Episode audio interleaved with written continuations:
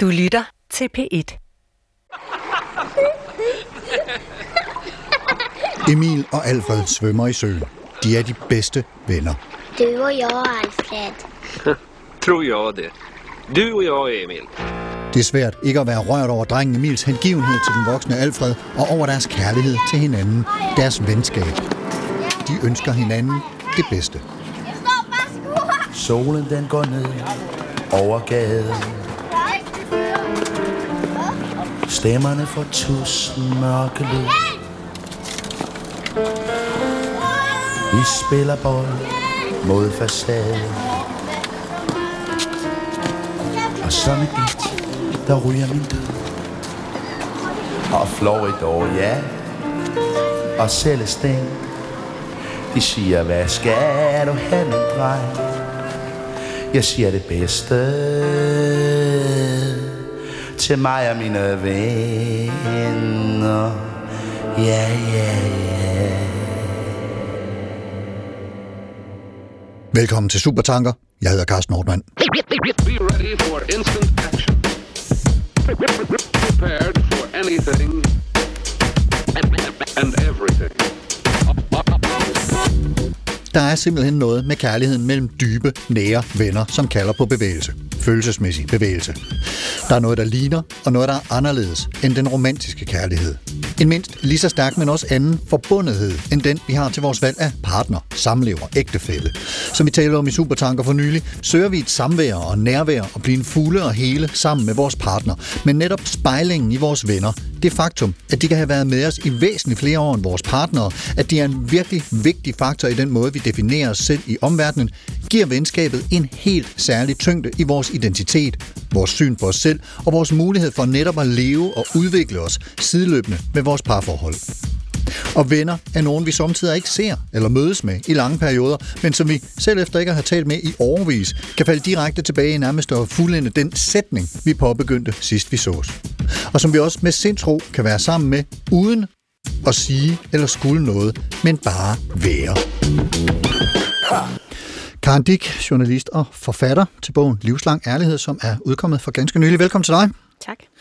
Livslang Ærlighed hedder din bog. Øh, Hvad betyder det? Hvad ligger der i den titel?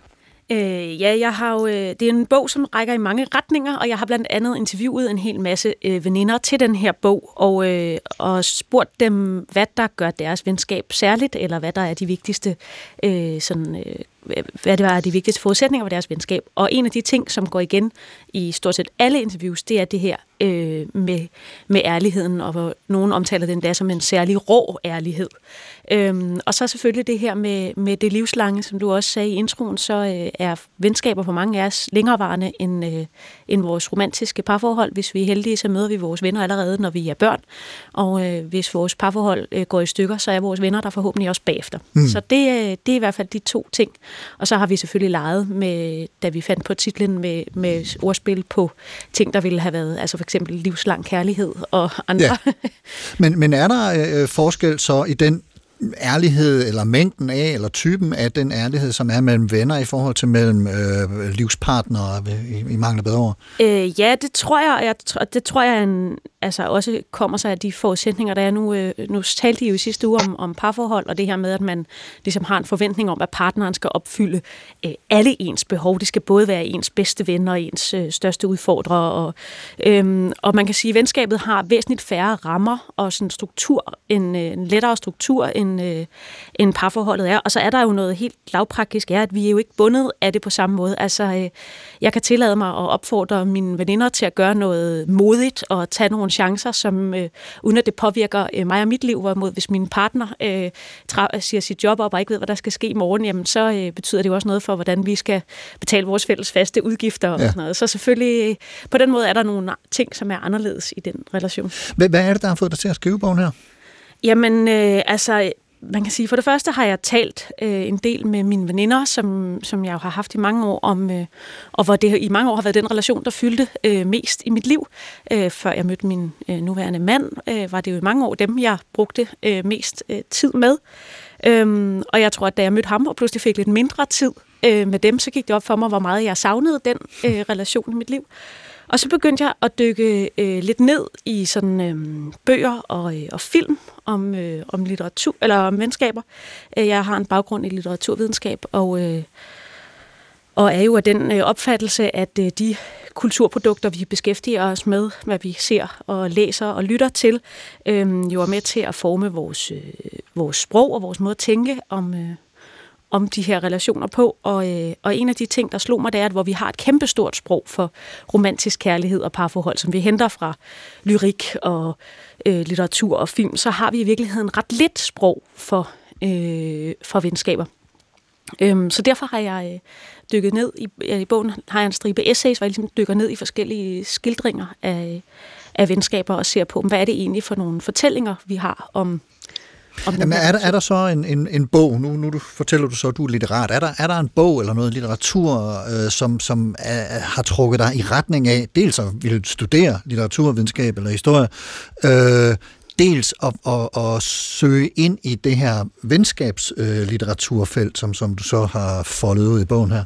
Øh, jeg vil sige, den bog, som måske for første gang åbnede mine øjne for, for venskabslitteraturen, er, er Elena Ferrantes fire øh, såkaldte Napoli-romaner, som begynder med min geniale veninde. Øhm, fordi at jeg oplevede, at her var ligesom der var noget mere dybde på, end der er i mange andre øh, skildringer af venskab. Altså, øh, den mest ikoniske tv-serie, vi har af venskab, i hvert fald mellem kvinder, er måske øh, Sex and the City. Øh, man kan sige, jeg har beskæftiget mig særligt med veninder, så derfor øh, øh, kvinders venskaber med kvinder. Øhm, og, men i Sex and the City bruger de i virkeligheden meget, meget lidt tid på deres venskab. Det handler utroligt, det er bare sådan et bagtæppe for resten af deres liv, og særligt deres relationer til mænd. Men i Ferrandes bog, der fylder venskabet helt vildt meget, og, og deres relation til hinanden, og den kompleksitet, der er i, i det forhold, spurgte man ligesom ind på, at der var noget her, som var større, og som vi måske ikke var så gode til at tale om, hverken i vores relationer eller uden for vores relationer. Yes. Og Jonas Holst, lektor i filosofi, filosofi ved San Jorge Universitetet i Zaragoza i Spanien, hvor du er med fra på en forbindelse her. Du har skrevet Ph.D. på Idehistorie ved Aarhus Universitet om venskab, og så har du også skrevet bogen Venskab, det gode mellem mennesker, som udkom i 2015. Velkommen til dig. Tak skal du have. Øh, hvorfor er du interesseret i venskab som, som øh, filosofisk emne? Hvad er det, der har tiltrukket dig ved det? Ja, det går, det går faktisk et 20 år tilbage i tiden, hvor jeg på et tidspunkt sådan, så mig lidt omkring i det filosofiske og det historiske landskab, fordi jeg i nogle år havde beskæftiget mig med skal vi sige, eksistenstænkning og været meget optaget af noget, der hele tiden var meget centreret omkring individet eller personen. Øh, læst meget Kierkegaard, Albert Camus, øh, og i det hele taget var måske meget fokuseret på, på det hele taget den, øh, forholdet til sig selv, og så pludselig gik det op for mig, at det egentlig var et meget egentlig begrænset måde at gå til ting på. Og så øh, i den der omkring år 2000, så skulle jeg til at skrive øh, en PhD, og så valgte jeg, ikke tilfældigt, men, men man kan sige, at jeg kastede mig over øh, modpolen til jeget, så at sige, nemlig øh, forholdet til et andet menneske. Og så tænkte jeg, øh, hvorfor ikke gøre det så konkret som muligt? Og så, øh, og så opdagede jeg venskabet som en kategori, der var meget lidt belyst på det tidspunkt, kan man sige. Det var så næsten uopdyrket felt. Øh, og det gav selvfølgelig mere blod på tanden. Øh, at øh, siden er der blevet skrevet utroligt de sidste to årtier. Øh, men deromkring øh, år 2000, da jeg startede, der synes jeg ikke, der var skrevet særlig meget om det, så jeg tænkte, det vil jeg kaste mig over og gå i gang med, og så ligesom få en, et helt andet blik på os mennesker, så at sige, i det mellemmenneskelige felt. Men når du så skal ud og, og øh, fortælle andre om, om det her emne og din øh, interesse for det, hvad, hvad, hvad siger du så øh, om, øh, hvorfor det er vigtigt og, og spændende? Og, altså, hvad er det for en, en, en, en ild, ligesom, øh, det, har, det har tændt i dig, som du gerne vil formidle videre? Jo, det er klart, at, at venskaber har også haft en stor betydning i mit eget, mit eget liv, men, men jeg har også når man netop taler med andre og er ude, så er det helt tydeligt, at det betyder utrolig meget for de fleste mennesker. Så, så venskab er jo sådan en, øh, det er jo et, et slags fælles menneskeligt gode, som vi øh, både kan dele med hinanden, men jo også har nogle fælles erfaringer med, kan man sige. Så for mig er det, er det ret enkelt. Jeg, jeg føler nærmest, når man træder ind og skal tale om det, så, så har man ikke, jeg har ikke nogen privilegeret adgang til det. Jeg har selvfølgelig studeret det nøje, men, men jeg er meget interesseret i at høre, hvad andre mener om det, fordi vi alle sammen har nogle, nogle oplevelser og erfaringer med, hvad det vil sige at være venner med andre mennesker. Så på den måde har jeg, det, det, den, hvis, du, hvis du sådan netop taler om en ild i mig, så er det sådan mere, øh, selvfølgelig øh, brændster noget dybere ned i, hvad, hvad er det for, hvor vigtigt er det, altså, øh, hvilken, og hvilken betydning har det i vores tilværelse i dag. Det er det, der stadig er et forskningsspørgsmål for mig. Ikke? Kan, kan du stadig holde dine venskaber i Danmark ved lige nu, hvor du bor i Spanien? Ja, det vil jeg mene, jeg kan. Det er klart, at øh, der, der, der er nogle udfordringer, og der er nogle øh, forhindringer på vejen, men, øh, men øh, venner har altid haft gedine brobygger, altså man har holdt kontakten ved lige brev, brev, øh, lange brevvekslinger, det bruger vi ikke i dag, så bruger vi så øh, de moderne medier til at holde, ja. til at holde kontakten, og så øh, de får gang med at ses om året, men det, det er rigeligt til at holde et godt venskab i live. Det er det nemlig. Inden vi øh, så dykker mere hovedkuls ind i afdækningen af spørgsmålet om, hvorfor venner betyder så meget for os, som de gør, øh, samtidig mere om vores partnere faktisk, så skal jeg lige høre jer, om, om, om I har hver især en pointe, måske en eller anden sætning, som vi, altså lytterne og jeg, kan have med os i, i øh, baghovedet, mens vi taler videre her, sådan en slags øh, rettesnor. Karen, har du et øh, bud på, hvad der er godt lige at have med i tankerne? Ja, altså en af de ting, som jeg øh, i hvert fald har, har, har interesseret mig for, som også det, jeg synes er, er spændende, det er det her med, at venskabet på en eller anden måde, at den, øh, den relation, vi har, som har færrest øh, rammer eller struktur, altså som er absolut øh, mest fri, men også hvor vi måske ikke altid helt ved, hvordan vi skal øh, begå os ind i den, øh, på, i modsætning til for eksempel familierelationer eller ja. forhold. Yes. Og Jonas? Ja, men jeg kan virkelig også skrive helt enig med, med Karen i det der meget sådan øh, ikke institutionaliserede og meget uformelle relation, et venskab er. Øh, og jeg vil blot lægge det til, at når vi nu øh, i, den, i denne time taler om det, så hele tiden have det med, at når vi taler om venskab, så er der mange forskellige former for venskaber. Øh, og, og det har tit noget at gøre med, at det er den måde, øh, altså om vi lige kommer ind i et nyt venskab, eller om vi allerede kender hinanden igennem mange år, ikke? det gør jo, at venskabet har en helt anden karakter, alt efter hvor meget tid vi har, vi har haft sammen, øh, hvor godt vi kender hinanden. Øh, så når vi taler om venskab, kan vi nogle gange glemme, at der i virkeligheden taler om mange forskellige former, og at venskaber jo er en fortsat forandringsproces.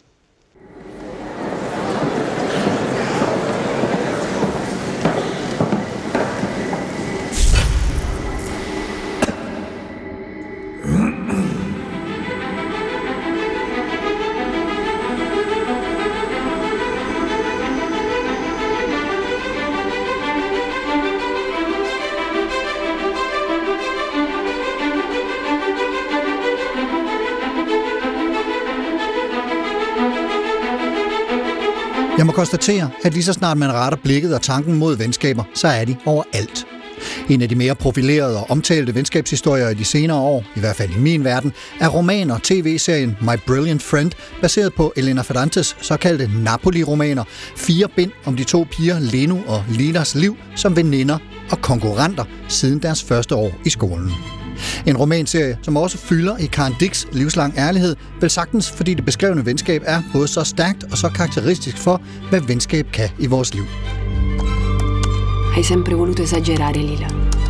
Da piccole e Du har altid overdrevet, Lila, da vi var små, og nu hvor vi er gamle. Du kunne ikke nøjes med bare at fjerne dig selv, nu hvor vi er 60. Du ville også slette det liv, der lå bag dig. Jeg lovede, at jeg aldrig ville gøre det, men jeg er simpelthen så vred, så nu skriver jeg hele din historie. E. Ikke bare hvad jeg så, men hvad jeg ved. Hvad du fortalte mig. Alt, hvad du fortalte mig i årenes løb. Den her gang går også jeg lignende ud. Så får vi se, hvem der vinder. E vediamo chi la spunta. Og når jeg så tænker tilbage på min egen kulturelle opvækst, så var nogle af de første bøger, jeg læste, historierne om Alfred Hitchcock og de tre detektiver. Tre venner, der opklarede mysterier og jagtede spøgelser. Jeg læste Enid Blytons De Fem om fire børn og en hund, der også gik på opdagelse sammen og opklarede mystiske fænomener. Og hvem sagde måske Asterix og Obelix, Tintin og Haddock, i øvrigt også med menneskets bedste venner i Defix og Terry, og så kan vi måske også lige hive Lucky Luke og Jolly Jumper med. Senere læste jeg Evelyn Wars mageløse Brighthead Revisited, som også blev til en smuk Granada-tv-serie om de to venner, Charles Ryder og Sebastian Flight, og med kapaciteter som Jeremy Irons, Laurence Olivier og John Gielgud. Jeg læste Stephen Kings redselsvækkende og rørende og charmerende et om syv outsidervenner, som finder støtte hos hinanden til at håndtere deres svære liv, og ikke mindst personificeringen af deres kvaler i livet, det grusomme klovnemonster Pennywise, eller bare det. Et univers, som på mange måder lever videre i den skønne tv-serie Stranger Things, som taler til både mine store børn og mig selv med dens venskabsbeskrivelser sat i scene i et på en gang nostalgisk og samtidig tidsvarende landskab af konspirationer, paranormale fænomener og 1980'er nostalgi med BMX-cykler, VHS-bånd, Dungeons and Dragons, isbutik i shopping mall og naturligvis musik-soundtrack.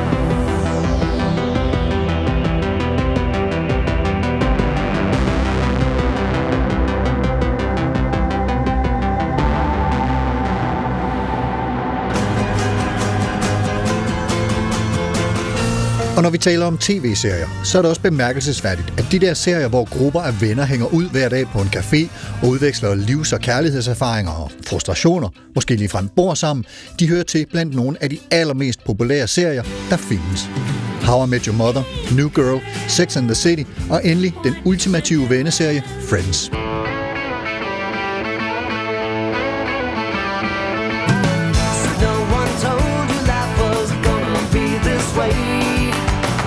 jobs and jokes.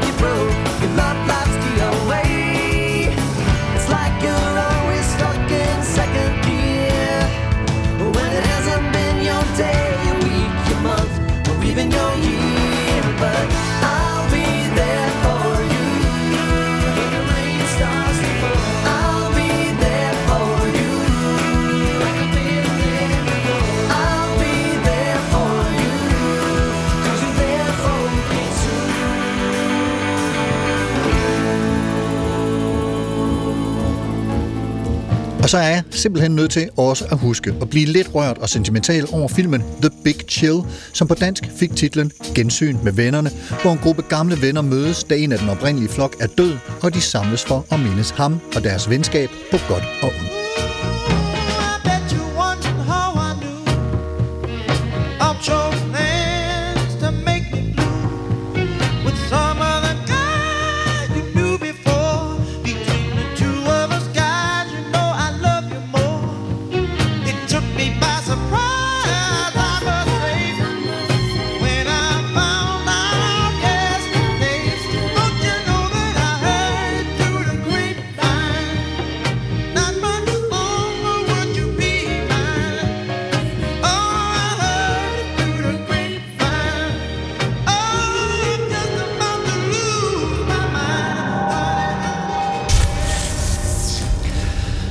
Karen Dick, din bog hedder Livslang Ærlighed, og øh, jeg tror måske, det kunne være meget godt med lige sådan en, en, en øh, kort overflyvning af nogle af de vigtigste pointer i den. Så, så øh, kan du øh, give sådan en, om, og måske også tale lidt om, hvilken rolle ærligheden spiller i, i de pointer?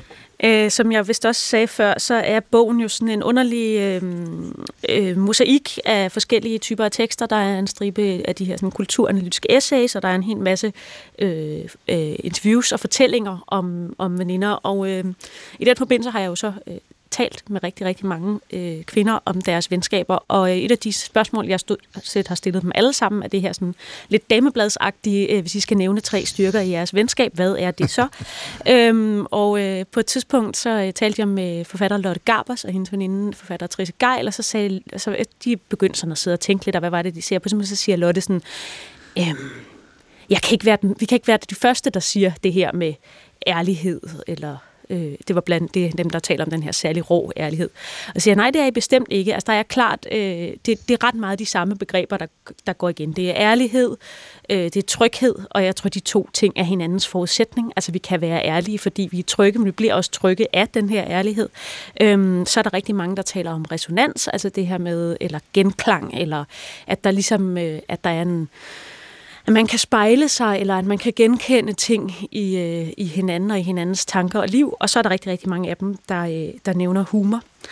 Øhm, og en af de ting, jeg også blev mærke i, det var, at rigtig mange af de her kvinder sagde, det er vildt spændende at tale om det her. Jeg har simpelthen aldrig øh, talt om mit venskab på den her måde. Jeg tror aldrig, vi, de to eller flere kvinder, jeg har interviewet, har haft de her samtaler. Altså har lagt sådan en analytisk vinkel på det, eller hvad? Ja, eller det jeg, det jeg i, min, øh, i mit forår kalder sådan en metasamtale. Altså de fleste ja. af os har det i parforhold. Hvad er det for en type øh, parforhold, vi gerne vil have? Hvad er rammerne? Øh, hvor, hvor meget skal vi dele af det her med hinanden? Hvordan skal vores øh, boligforhold og økonomi se ud? Men også, øh, hvad er ligesom vores kærlighedssprog, hvis det er det, man taler om? Altså er det vigtigt, at vi hænger meget ud sammen, eller er det vigtigt, at vi gør nogle specielle ting, når vi er sammen? Øh, og det er vi nok dårligere til at tage øh, om øh, den her type samtaler i øh, vores venskaber. Og det er måske også derfor, vi nogle gange går lidt øh, fejl af hinanden eller bliver uvenner. Men, men der, er, så, der er jo noget også med, at ægtefæller eller livspartnere, dem har vi i hvert fald den kultur, vi lever i en af. Ja. Venner, dem har vi mange af. Altså, det, det venskaber er ikke, om man så må sige, monogame. Jeg ved ikke, om man kan bruge det ord i den forbindelse. Øh, nej, nej, altså helt sikkert. Øh, øh, sangerinden øh, Nana Jacobi og hendes veninde øh, Lise Bak Hansen, som er inde på, øh, på øh, hvad hedder det, det kongelige bibliotek, de kalder det øh, kærlighed uden besiddertrang, altså den venskabelige kærlighed.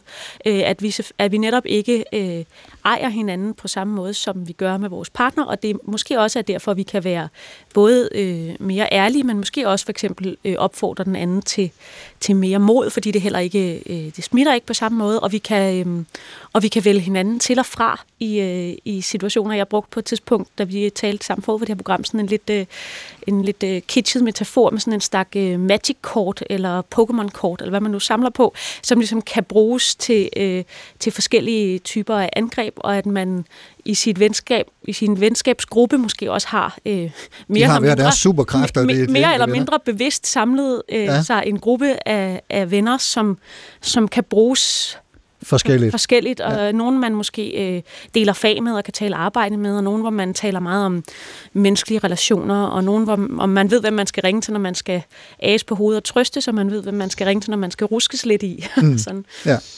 Men, og, og nu har du så skrevet den her bog, som, som fokuserer meget på venindeskaber, øh, altså piger imellem.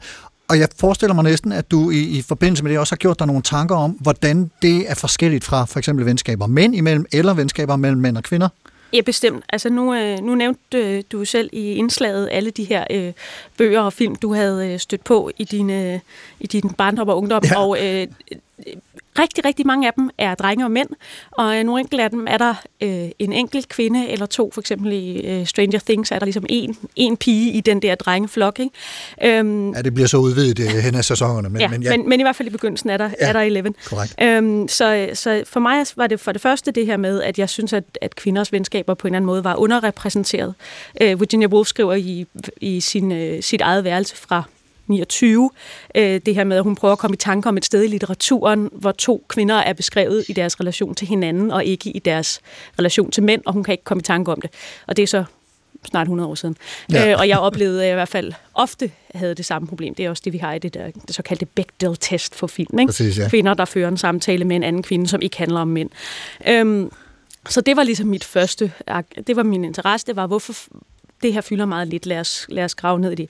Øhm, og så stødte jeg blandt andet på en, øh, en amerikansk øh, kulturteoretiker, som hedder Louise Bernikoff, eller Bernikoff, øh, det, øh, som, har, som har skrevet om, øh, om kvinders relationer til kvinder, forskellige typer. Hun har skrevet en bog, der hedder Amongst Women. Øhm, og hun skriver det her med, at, øh, at øh, mænd står skulder mod skulder, øh, vendt mod verden, øh, hvorimod kvinder står øh, ansigt til ansigt vendt mod hinanden. Og det skyldes jo sådan de helt sådan, øh, kulturhistoriske forudsætninger, at mænds venskaber har foregået i den offentlige arena. Det har været på arbejdspladser og i politik, og at andet mænds kvinders venskaber historisk set har været forvist til køkkener, barneværelser, salonger for den øh, øvre klasse, men i hvert fald øh, øh, private rum. Og, og det har selvfølgelig en betydning for, øh, hvordan øh, de her venskaber udspiller sig. Og så har hun den pointe, at, øh, at kvinders øh, øh, samtale altid øh, handler om overlevelse. Altså fordi, at, at kvinder... Øh, øh, historisk set har været udsat for, øh, for vold, for øh, øh, altså børnefødsler og andre ting, som ligesom øh, har... Øh, kan være livstruende kan være livstruende. Ja, ja. Øhm, og, øh, og selvom at øh, vi selvfølgelig ikke øh, på samme måde er udsat i dag, så, så tænker jeg, at pointen i hvert fald til et vist punkt kan overføres. Altså at kvinders venskaber med kvinder indeholder nogle, øh, nogle fælles erfaringer, som vi ikke øh, deler med mænd. Altså nu taler vi om text me when, I get home, when you get home øh, for tiden, og at man øh, lige holder styr på sine veninder, ja. når de går alene hjem fra byen. Øhm, en, en kvindelig erfaring, som mænd måske ikke deler på samme måde. Jonas Holst, i din forskning øh, ind i, i venskaber, hvad, hvad, hvad er du der stødt på, øh, som, som øh, taler ind i det, øh, Karen taler om her, nemlig forskellen mellem mandlige venskaber, kvindelige venskaber og interseksuelle, øh, hvis man kan kalde det det, venskaber? Ja, man kan sige, at, at øh, Karen har jo helt ret i, at, at venskabets idéhistorie, hvis man kigger på den, så er den jo skrevet af stort set af mænd. Øh, det kan man ikke komme udenom. Øh, så det er, det er jo noget, man skal være bevidst om, når man, når man går ind i det, og, og det er selvfølgelig en, øh, det er en utilstrækkelighed i, i venskabets idéhistorie, som jeg synes, vi efterhånden er, er ved at få rådet lidt brud på. Øh, for der er ingen tvivl om, at, at vi har vidnesbyrd igennem historien øh, om kvinders, det de også selv kalder venskaber. Og det, det er, de, kommer, de udtrykker så at sige venskabet på en anden, der kommer et andet øh, venskabsudtryk øh, til ord der i deres samtaler og brevvekslinger, hvor, hvor man kan sige, at accenterne kommer til at ligge på noget andet, og, og når man netop taler om ærlighed, så kan det i virkeligheden godt være, at, at den der sådan fuldstændig åben, den relation til et andet menneske, at at mænd måske har en tendens til, men nu taler vi virkelig kun om tendenser og generaliserer måske for meget, jeg, jeg gør det nu. Men, men det kunne godt være, at mænd i, i høj grad pakker det der mere ind på en måde, så det, øh, så den der ærlighed, den ligger i relationen, øh, men på en helt anden måde, end tror jeg, den gør hos kvinder, hvor der, man også kan opleve igennem alle dine interviews og de der eksempler, mm. du giver, Karen, at, øh, at ærlighed bliver et afgørende begreb øh, jeg, jeg har i den, en, den øh, sammenhæng. jeg, har, jeg har en rigtig god kammerat, som øh, mens jeg fortalte ham, da jeg fortalte ham om, om øh, forberedelsen til det her program, sagde, at han mente, at, at mænd måske har færre, men måske lidt dybere eller længerevarende venskaber, og kvinder måske har flere lidt mere flygtige. Øh, man kan sige, at Elena Ferrantes romaner taler imod det, men, men, men er det noget, øh, er, er det en, hvad skal man sige, en, en fordom eller en, en forkert forestilling? Karen? Jeg, øh, jeg tror, det, det, det ved jeg faktisk ikke, om jeg tror på. Altså, der er selvfølgelig noget med sådan, vi er vant til at se de her sådan pigegruppe øh, venskaber, måske særligt bundet til nogle, til nogle ungdomsår og sådan noget. Men, men jeg, ikke, jeg tror ikke nødvendigvis, at mænds øh, relationer er, er, er dybere. At man kan sige, at den her diskussion om intimitet og ærlighed taler jo næsten den modsatte retning. Altså, at ja. kvinder er... Øh, øh, stadigvæk meget generaliserende bedre til at tale om øh, deres øh, inderste og deres øh, følelser, øh, end, end mænd er. Øhm, og så kom jeg til at tænke på, at der er også noget med sådan, øh, de rammer, vi sætter for venskaber.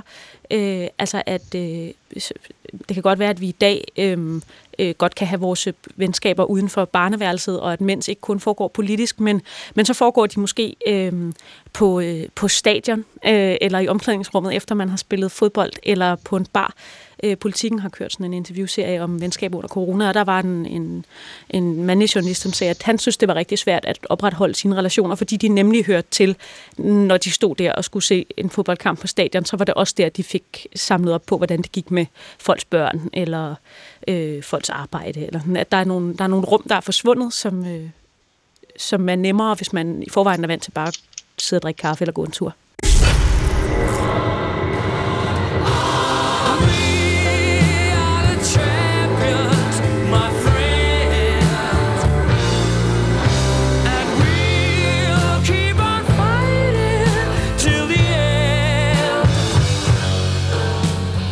Mange mennesker elsker Queen. Bohemian Rhapsody, Another One Bites the Dust, We Will Rock You, We Are the Champions, og så videre, og så videre. Jeg har altid haft et svagt punkt for et af den tilbagetrukne bassist John Deacons bidrag til gruppen på pladen A Night at the Opera.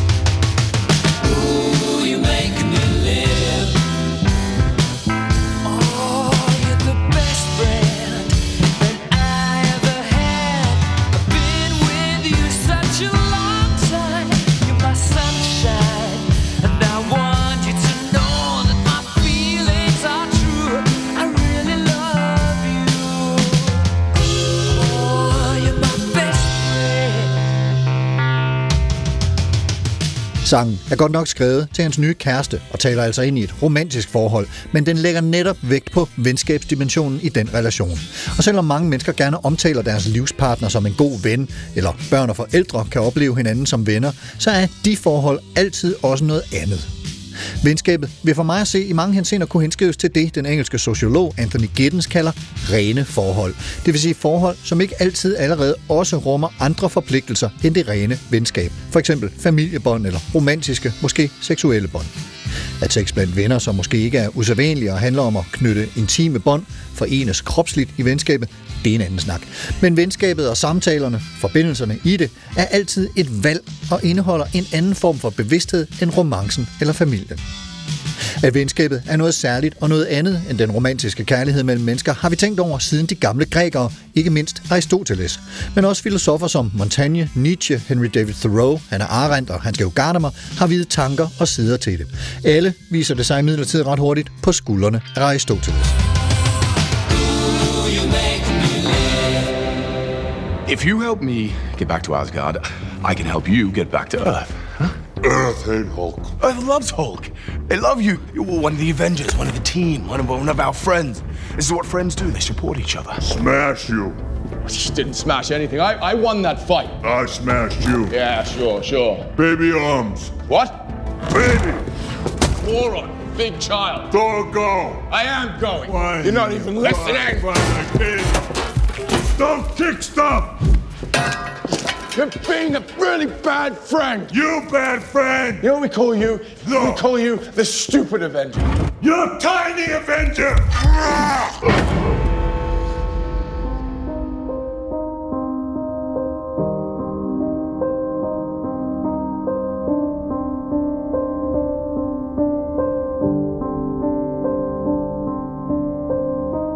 Aristoteles skriver, citat, Venskab er det allermest nødvendige i livet, for uden venner vil ingen ønske at leve, selv med alle de andre goder i behold, skriver han, og fortæller det senere med, sammen vandrer to, for at den vej bliver de bedre i stand til at tænke og handle. Med andre ord, sammen bliver vi bedre mennesker. Og han opregner tre typer af venskab, som vi indgår, her løsligt citeret fra Karen Dicks livslang ærlighed. Lystvenskabet baserer sig på lysten til at være sammen med et andet menneske. Det er det venskab, hvor man mødes for at have det sjovt, måske for at gå på værtshus eller dyrke en anden fornøjelse. Mennesker, der er sjovere at være sammen med og skaber god stemning, er oplagte kandidater til sådan et venskab. Nyttevenskabet er derimod baseret på, at vi kan få noget ud af det. Man nyder som udgangspunkt hinandens selskab, fordi det er nyttigt. Der er endda en chance for, at man ikke engang nyder hinandens selskab, men udholder det, fordi man forventer at få noget ud af det. Disse venskaber kalder Aristoteles for tilfældige, fordi det er tilfældigt, hvad folk har brug for og hvad folk tilbyder, hvorfor det også er tilfældigt, om et venskab opstår. I dag vil vi måske betegne nyttevenskab som et netværksbaseret venskab, man indgår i håb om, at den anden part kan hjælpe en til et bedre job eller anden form for fremgang. Både lystvenskabet og nyttevenskabet er usikre venskaber, da de kan ophøre, så snart det umiddelbare behov efter lyst og nytte ikke længere eksisterer. De er begge bygget på en kontrakt om gensidig gevinst, og når den ene eller begge parter ikke kan se gevinsten, så er det nemt at opgive relationen.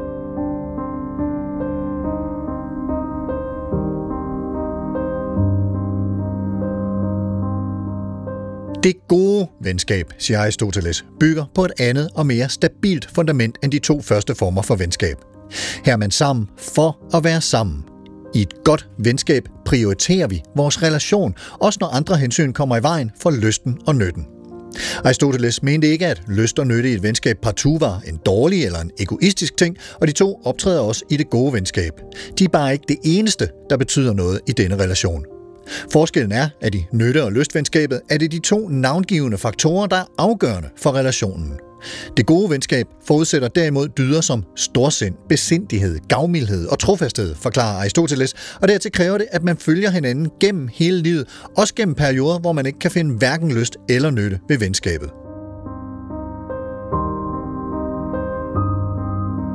I det gode, dybe venskab kan vi opnå dybere indsigt, også i os selv, blive bedre og mere hele mennesker.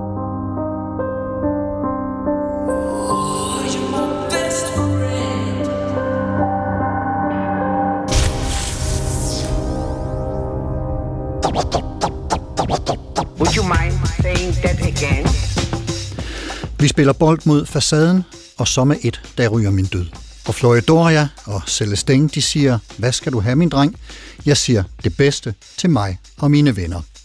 Der ligger en video på YouTube af Kim Larsen og Kjuken, hvor man ser publikum der, hvor Kim Larsen synger til mig og mine venner, hvor rigtig mange af dem vender ansigtet mod deres ven ved siden af og kigger kærligt på dem, mens de skråler med for fulde gardiner. For vores venner betyder så meget for os. Vi elsker dem meget højt, og når vi er gode venner, plejer vi venskabet samtidig med lige så stor, hvis ikke lige frem, større omhu, end vi måske plejer vores parforhold. Er vi forelskede i vores venner? Måske. Der er i hvert fald næppe meget tvivl om, hvor stor og stærk vores kærlighed til dem kan være. Mine to gæster her i Supertanker i dag er forfatter til bogen Livslang Ærlighed, som lige er udkommet, Karen Dick, som også er journalist og uddannet litterat, og det er idehistoriker og lektor ved filosofi ved San Jorge Universitetet i Saramago i Spanien, og forfatter til bogen Venskab, det gode mellem mennesker fra 2015, Jonas Holst. Og Jonas, øh, i forlængelse af det her øh, Aristoteles, som vi lige var, som vi lige var omkring, så har du arbejdet videre med det i nogle, du kalder det momenter, eller måske gæsti blandt venner. Kan du øh, fortælle, hvad, hvad det er for noget? Ja, det er jo, øh, ja, jeg, jeg, altså i mine undersøgelser af venskabet, så har jeg sådan gået til det og tænkt, brede det ud og så se, hvad er det, kunne der være nogle almengyldige, nærmest konstanter? Er der noget, vi, vi kan genfinde øh, tilbage i historien og helt frem til vores egen tid? Og så er jeg sådan langsomt kommet frem til den, til sådan, der er tre grundmomenter, i hvert fald er der øh, det begyndelsen, der hvor et hvert venskab begynder, er jo, i, er jo i det første møde, hvor vennerne modtager hinanden. Så det, jeg vil kalde det første åbne, åbningsmomentet, det er øh, modtagelsen. Og, og deri må man gerne høre også, at der er en art af øh, en vis, man nærmer sig hinanden øh, og får en vis fornemmelse for hinanden, og der er også i høj grad et, et lyttende moment i det at modtage den anden. Det er ikke så meget det, at man giver ud af sig selv, det taler man tit om. Jeg vil mene i venskab, at det i høj grad det, at man, man åbner døren ind til sit eget, så at sige ind til sit eget hus meget tit. Man inviterer vennerne indenfor, man inviterer dem ind, øh, hjem til sig selv til, at, til et godt måltid mad. Aristoteles taler meget om det. Det er sådan, i antikke samfund var det enormt vigtigt, man mødtes omkring et bord, og, ligesom, og det er det jo stadigvæk i dag interessant nok. Så derfor mener jeg, at man på tværs, præcis, på, på tværs af kultur og tid, og på tværs af køn og alle de specifikke karakteristika, vi nu bærer med os, ja, så er der faktisk nogle, øh, nogle momenter, der dukker op igen og igen. Øh, så det med modtagelsen, det går så dybt, at øh, det som Aristoteles også værdsætter meget højt, og det gjorde alle de antikke kulturer, og vi gør det faktisk stadigvæk i dag i en mindre, en mindre ritualiseret form, det er gæstfriheden. Altså det at kunne modtage andre mennesker, der, der ikke behøver at være sådan nogle formelle gæster, men vennerne gør det jo også i, i forhold til hinanden. Man bliver ved med at vise hinanden øh, nogle bestemte gæsthusser. Ikke? Altså, så, Nå, noget så banalt som at give hånd vel... mener jeg er helt afgørende. Ja. Ja, det mener jeg også. En, en hilsen, en sympatitilgengivelse. Ja. Altså, og, og vi gør det forskelligt i forskellige kulturer, men det ændrer ikke ved, at, at der dog stadig er, øh, der er nødt til at være en art af åbning i begyndelsen, øh, hvor man ligesom øh, mærker efter og ser hinanden. Øh, hvad, er det, vi, hvad er det, vi er på vej imod? Øh, og det er jo så der, mange venner taler om, at de oplevede pludselig, at de var på bølgelængde med hinanden, eller bare øh, kunne sammen, de genkendte sig selv i hinanden. Alle de momenter kommer jo netop af øh, det øjeblik, hvor man nærmer, man nærmer sig hinanden på den måde, som venner nu kan gøre, øh, meget ofte igennem en dialog øh, til forskel måske fra andre mellemmenneskelige relationer, så er dialogen øh, enormt vigtigt medium for vennerne. Og det var så modtagelsen, og det, det andet moment, eller den anden gestus, det er ledsagelse? Ja, man, man kunne øh, knytte en, en tråd tilbage til det, Karen sagde tidligere, at, at, øh, at venskaber tit bliver beskrevet som det, at man har front mod hinanden, men ligesom står ansigt til ansigt med hinanden. Det er jo så modtagelsesmomentet, ikke? der hvor man mødes, så at sige, det første, i det, det første møde. Øhm, og i det andet moment, der er man så mere skulder ved skulder, hvis man skulle bruge det begreb. Altså man går ved siden af hinanden, man går sammen. Øh, man tager på rejse sammen. Det er jo typisk øh, med venner, der, der rejser sammen, der ledsager hinanden igennem livet. Det er så at sige at finde en fælles rytme sammen. Og det har en lidt anden karakter end modtagelsen, hvor man jo i højere grad øh, i begyndelsen, så at sige, lærer hinanden at kende, øh, tager de første sådan skridt ind på livet af hinanden. Man kommer hjem til hinanden øh, meget ofte, ikke? Og, og nogen bor oven i købet sammen. Yes meget ofte hver for sig, men har været sit rum. Men i ledsagelsen er det så der, vi, vi tager et skridt videre og går ud og opdager verden sammen. Øh, ikke nødvendigvis altid ansigt til ansigt og sådan. Men, øh, men venskab er jo netop sådan et, de to momenter følges så sjældent. Det er ikke sådan, at man bare lægger modtagelsen bag sig. Øh, det ansigt til ansigt møde ham, er man jo stadig med sig i alle venskaber. Men man kan sige, at der er sådan en slags faser, som venskabet også bevæger sig igennem, og forskellige øh, momenter i et, i et venskab, som vennerne jo holder live ved, ved stadig at mødes. Og den tredje, det tredje moment, eller den tredje gestus? Det tredje moment er, er lidt lusket og at putte den i enden, for det er med fra starten, men man kan sige, at øh, det er så noget, jeg har taget ind fra øh, min læsning af, af skal vi sige, filosofien og idehistorien, hvor øh, Platon og Aristoteles, de to store græske filosofer, er de første, der siger, at det gode venskab, øh, ypperste mål, det er selverkendelse. Det er simpelthen at lære dig selv bedre at kende som menneske i mødet med andre mennesker. Det er det, der er det tredje øh, moment prikken over i for, for de gamle grækere, erkendelsen som det højeste mål i tilværelsen, og venskab viser sig interessant nok at være et øh, medium for at nå det, det højeste mål i tilværelsen. Karen, du har et supplement til det? Ja, jeg, jeg har interviewet en, en, en psykolog til den her bog om, om venskaber. Hun taler meget om, om det her, hun kalder det resonans, altså at, at, øh, at tale med sine venner om de punkter, hvor man ligner hinanden. Men hun har faktisk den sådan ret provokerende pointe, tror jeg, at hun siger, at hvis vi var bedre til at tale med vores venner, så ville vi øh, kunne undgå ret store øh, dele af de ting, vi går til psykolog med. Og det peger jo meget godt ind i den her med, at altså, hvis vi kan udvikle os øh, i vores øh, venskaber og tale med vores venner venner på en fornuftig måde, så behøver vi måske ikke tale så meget med en psykolog. og Jonas, i kølvandet så på Aristoteles' typer og dine momenter her, så finder vi også en række andre øh, supertænkere, som vi kan lære noget af i vores oplevelse af og tanker om øh, venskab. Øh, nogle af dem hører til i, i øh, det 20. århundrede, og den første, som vi lige skal nævne kort, er nogenlunde samtidig med, om en lidt yngre end Aristoteles, øh, Epikur. Hvad, hvad byder han ind med her, som vi kan, vi kan bruge til noget? Epikur er interessant. Øh, så den første station på vejen op igennem historien efter Platon og Aristoteles. Epikur er, er, vi har desværre meget, meget få øh, af hans skrifter overleveret. Altså, der er ikke så mange tekster af ham, men det vi har er meget interessant, og han er en dybsindig filosof.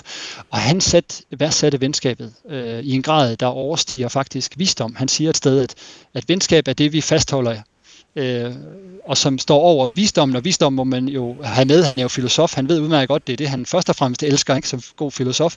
Men venskabet, øh, siger han, det står alligevel højere, fordi vi kan stadig øh, have samtaler med vores venner selv, når de ikke længere er her, fordi vi kender hinanden så godt, at det, det overskrider døden.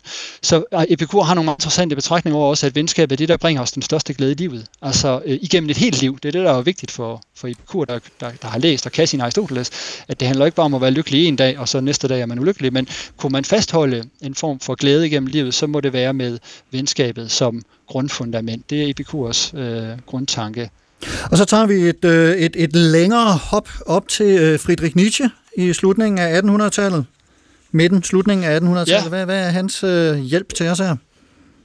Jamen, det giver god mening at komme ind på Nietzsche i forlængelse af Epikur, for han var øh, meget glad for Epikur, øh, Nietzsche. øhm, og det er sjovt, de deler den øh, sådan, skal vi sige, øh, fælles interesse for venskabet, og også meget passioneret. Nietzsche var faktisk meget øh, optaget af venskabet i sine ungdomsår. Det kommer ganske vist ikke så meget til ord i de skrifter, han udgav, men det gør de i alle de efterladte skrifter og papirer, som han efterlod sig ved sin død i 1900.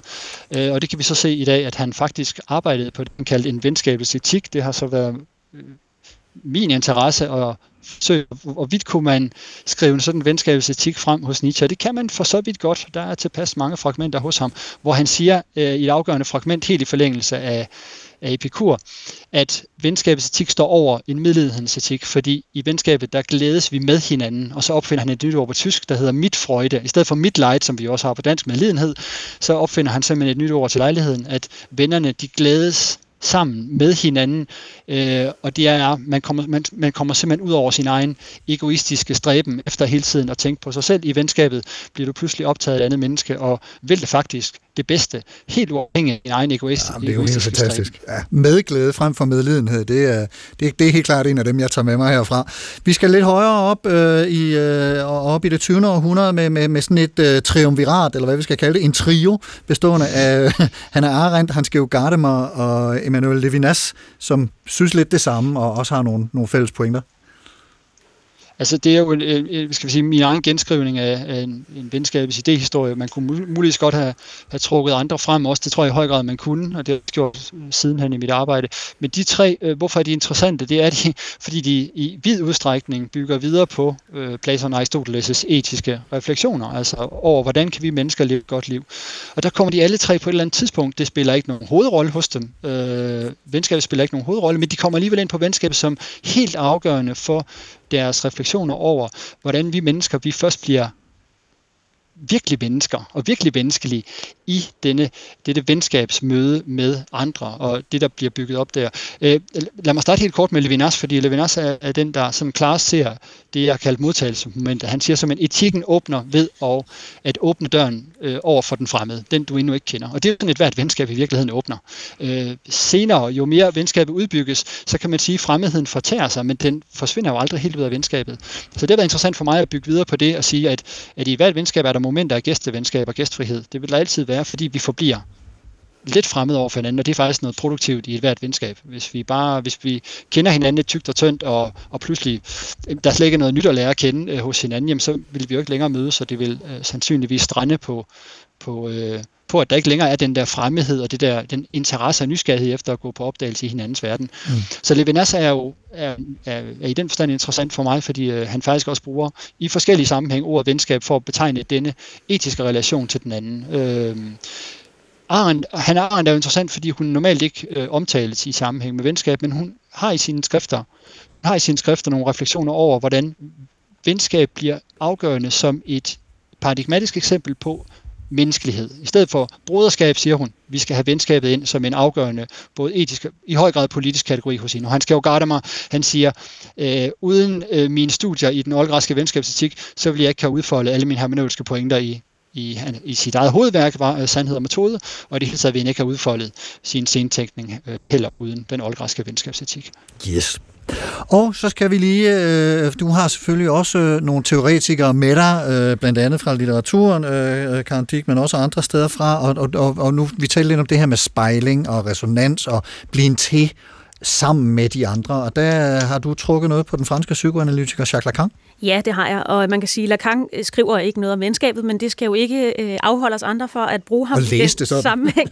øhm, og jeg, jeg har beskæftiget mig en del med, øh, med den her, øh, det her, som hos Lacan hedder spejlstadiet, som er noget, man finder øh, i hans øh, teori hos, hos små børn, altså det øjeblik, man bliver i stand til at genkende sig selv i et spejlbillede.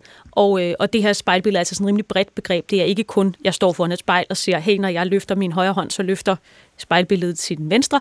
Øh, så øh, det er også øh, det spejlbillede, som kan være øh, andre menneskers blik. Øh, hos Lacan er det særligt øh, morens blik, øh, men det er selvfølgelig også øh, andre menneskers blik. Øh, og jeg har særligt øh, brugt det i min læsning af, af min geniale veninde, og altså netop øh, Lila og Lenu, som øh, her i 1950'ernes øh, øh, Napoli, hvor, øh, hvor de piger, de går i skole med, primært øh, drømmer om kjoler om at blive gift, så er der pludselig to unge piger, som drømmer om at øh, skrive øh, bøger, fordi de læser øh, pigebørn og gerne vil lave en roman. Og, øh, og de fortsætter så fra de er de her øh, 6-8 år og hele deres liv med at, øh, at spejle sig i hinanden. Øh, og vi ser ret tydeligt, at deres øh, at, at veninden bliver ligesom den, øh, det eneste menneske, som reelt kan øh, validere øh, deres eksistens og deres øh, livsvalg. Altså på et tidspunkt er øh, Leno på, øh, på ferie øh, på, øh, på Iskia, og, øh, og hun skriver breve hjem til Lila om sit liv.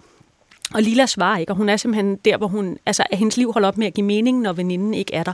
Og det er også derfor, hun bliver så sur. Øh, ja. her, den, det vi du spillede indledningsvis, da Lila øh, forsvinder, fordi når Lila øh, forsvinder, og Lila fjerner sit liv og sin historie, så fjerner hun jo i virkeligheden også store dele af Lenus øh, historie og Lenus identitet, fordi at det ligesom er i samspillet med hinanden, at deres, øh, Ja, så også det her konkurrencemoment, som, som også ligger i venskabet, og som også var i det der indledende citat med, så må vi se, hvem der vinder, slutter hun af. Ja, det er jo meget tydeligt. Lenus bliver jo øh, den, altså, akademiker og skriver bøger, øh, mens øh, Lila hun øh, begynder at lave sko, og i det øjeblik Lila holder op med at interessere sig for at skrive bøger og, lave, og komme øh, højt på den akademiske stige, så begynder øh, Leno også pludselig at tvivle på, at det er så vigtigt, for nu kan hun ikke længere øh, konkurrere med sin veninde, for hun har ligesom meldt sig ud af den, af den konkurrence.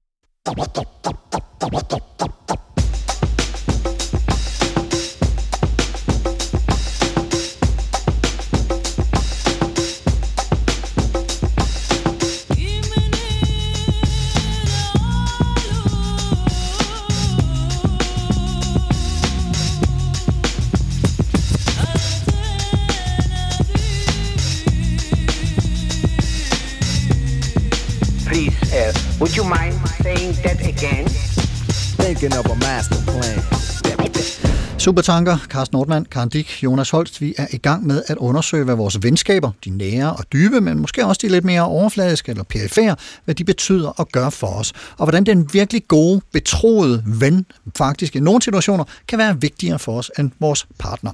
Karen Dick er litterat, journalist og forfatter til bogen Livslang Ærlighed, og Jonas Holst er idehistoriker og lektor i filosofi nede i Spanien og har skrevet bogen Venskab fra 2015. Og vi skal så småt til at søge havn for i dag, og det kan vi jo passende gøre med at tage temperaturen på venskabets livsvilkår for øjeblikket og det forgangne år, hvor vi jo ikke har kunnet være sammen med vores venner i det omfang, vi måske kunne tænke os, og vi har ikke måttet kramme dem, sådan som vi plejer. Kandik, hvordan har, har den her nedlukning for coronanedlukning for dig at se betydet for, for måden, vi har venner på?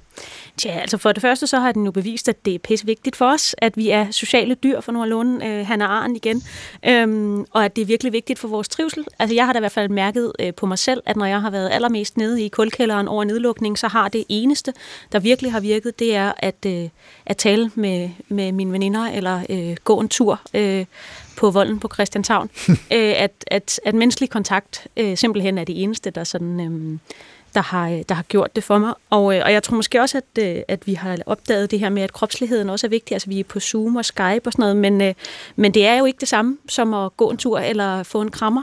Og på den måde tror jeg ikke, vi skal være så bekymrede for, at skærmene komplet kommer og overtager vores liv, fordi der er helt tydeligt også en, en fysisk og kropslig øh, dimension i, i venskabet, som er vigtig. Og hvad siger du, Jonas? Er der noget af den øh, filosofi, vi har talt om her, der skal enten omskrives eller justeres i forlængelse af de erfaringer, vi har gjort os her det seneste år? Nej, jeg tror meget i forlængelse af det, Karen også siger, at, at øh, netop det, jeg lader vægt på med modtagelse og ledsagelse, det forstår jeg også som nærmest altså kropslige gestus, øh, en gestus, vi viser hinanden, og det er så sat lidt på standby, og vi har måttet, vi har så at sige måttet tilpasse os nogle andre vilkår i, i det seneste års tid med, med pandemien jeg vil dog godt lægge til, at jeg tror, øh, det der har været min egen pointe med også, når jeg har studeret og undersøgt venskabet nærmere, det er jo, at der er venskabet til forskel fra andre, øh, måske tættere kærlighedsrelationer. Så venskabet kan faktisk godt udholde sådan en afstand, øh, også over tid, men også i rum. Altså venskaberne venskaber er tit kendetegnet sådan en hensynsfuldhed til hinanden, ikke? respekt og en vis diskretion, der gør, at venskabet måske i virkeligheden kan udholde øh, sådan afstand, eller at det, at vi har været øh, væk fra hinanden og ikke har kunnet mødes og omfavne hinanden i samme omfang, som tidligere har kunnet. Så jeg tænker, at venskaberne måske i virkeligheden godt kan stå den her prøve igennem, øh, så længe vi bare så netop også, skal vi sige, holder den kontakt, som, som er venskabets livsblod, at vi bliver ved med at øh, lige have kontakt med hinanden igennem de medier, vi nu bruger. Ikke? At det ikke kan være en kropslig kontakt og et nærvær. Øh, det tror jeg faktisk godt, at venskabet kan, kan opleve klar. Jeg, jeg, nævnte i, øh, i indledning, jeg nævnte i indledningen det her med, at, at, øh, at samtidig, når vi ses med venner, som vi ikke har været sammen med i, i, lang tid, så er det næsten som om, vi bare færdiggør den sætning, vi påbegyndte sidst, vi skiltes. Altså, der blev ikke sat punktum dengang. Der blev sat et komma, og det, øh, det fortsætter vi så øh, her på, på, på, øh, på vejen videre. Og så skal man sige, at vi kan jo tale øh, i timevis om det her, lader det til. Øh, vi har for eksempel slet ikke været inde på, på nogle af de venskabsrelationer, der også har en erotisk dimension, og hvad den betyder. Men det når vi simpelthen ikke her her, fordi vi skal videre. Og det er altså supertanker om øh, venskab til alle tider, også coronaens tid, men før vi øh, rammer dokken endeligt og siger pænt farvel, så skal vi lige nå at høre, om der er en anbefaling eller to fra jer to øh, gode gæster til de lyttere, der måske gerne vil vide mere, om I kan anbefale en bog eller en film eller en podcast, øh, podcast hvad har vi? Øh, Karen, øh, du har en film med. Ja, det har jeg. Jeg har øh, den film, som hedder øh, Frances Hay, øh, som kom for nogle år siden, og som handler om øh, venskabet mellem øh, Frances, øh, som er øh, danser, og øh, hendes veninde øh, Sophie. Øhm, og øh, den begynder øh, med, at de bor sammen og er fuldstændig sådan øh, flettet ind i hinanden og hinandens liv. Øh, Fortæl mig historien om os, siger Francis, og så øh, går Sophie i gang, og deres drømme er fuldstændig viklet ind i hinanden. De, de kræver faktisk hinanden for at forløses, fordi de blandt andet skal have en lejlighed sammen i Paris. Øh, og så sker der det, som øh, filmen skrider frem, at, øh, at de begynder simpelthen at, øh, at bevæge sig i forskellige retninger. Øh, Sophie flytter øh, til Tribeca i en dyrere og smartere lejlighed, øh, mens øh, Frances hun bliver i Brooklyn, og, øh, og især i, Frances har meget svært ved at finde ud af, hvordan skal hun være øh, sig selv, når hun ikke længere kan forløse den her drøm øh, sammen med Sophie. Det er en virkelig spændende sådan coming of age film, men også om venskabets øh, coming of age og sætte hinanden fri fra, hvad skal man sige, den tidlige venskab og ungdomsvenskabet måske, og, ungdom, og forelskelsesvenskabet over ja. i et mere sådan modent og voksent. Og den har, Frances Hay her har også et kapitel i din bog, øh, Livslang Ærlighed, som, som jeg så lige hurtigt vil benytte lejligheden til øh, også at, at anbefale, ligesom jeg selvfølgelig også vil anbefale Jonas' bog, den her venskab, det gode mellem mennesker. Og Jonas, du har taget en bog, som også er en film med, som din anbefaling. Hvad er det? Ja, den øh, står højt på min liste. Det er Khaled Husseini Stravløberen øh, som øh, jeg har vendt tilbage til flere gange. Den er, den er meget, meget fin. En fin fremstilling af et venskab mellem to afghanske drenge. Den er også meget fin kompliment til Elena øh, Ferrantes øh, venskabssaga øh, i fire bind. Den er sådan, den er kortere, det er et bind, så at sige, et værk i en roman. Øh, og det fine ved den er, at den er lige så realistisk som Elena Ferrantes. Det er sådan en, man kommer virkelig ind i en beskidt verden, hvor der er meget vold, men venskabet bliver for de to drenge, den beskriver, en slags helle. Det bliver sådan et frirum, hvor de faktisk kan mødes, men med alle de spændinger, der jo er i et forhold mellem to drenge i, i en kultur, hvor der jo er konstant spændinger, især mellem de religiøse, øh, de religiøse traditioner, øh, og det beskriver romanen så flot øh, den, de spændinger, der også er med. Og det var altså dragløberen af Khaled Husseini. Og det var simpelthen den optankning, vi nåede for i dag. Supertanker er på vej i havn. Karen Dick, øh, journalist og forfatter. Mange tak, fordi du kom og var med til at indkredse vores liv sammen med venner. Tak. Og Karen Dicks bog Livslang Ærlighed er altså udkommet på People's Press og kan findes i handlen online og når boghandlerne er åbne. Og Jonas Holst, idehistoriker og filosofilektor på San Jorge Universitet i Zaragoza. Du var simpelthen med os fra Spanien, og det skal du have tusind tak for, også for din hjælp til at gøre os alle sammen lidt klogere på venskaberne. Jonas Holsts bog Venskab er ude på Aarhus Universitetsforlag. Og naturligvis mange, mange tak til dig, kære lytter, for at lytte med. Hvis du kan lide det, du hører, så del det med dine venner. Det bedste til mig og mine venner. Tænk, hvis Supertanker kunne gøre sig fortjent til den betegnelse. Det ville da være fuldstændig fantastisk. Hvis du har ris, eller idéer til programmet eller andet, du gerne vil kommunikere til mig, så skriv en mail til supertanker.dr.dk eller gå ind på Facebook-siden Carsten Ortmann Radio og kommenter der. Der lægger jeg også Karen og Jonas' anbefalinger anbefalinger, lidt links og en musikplayliste. Og så kan du jo altid genhøre programmet her eller i vores fremragende app DR Lyd eller på dr.dk-supertanker. Programmet i dag var tilrettelagt af mig. Jeg hedder Carsten Nordmann. Ha' en rigtig god uge og på genhør. Thinking of a master plan.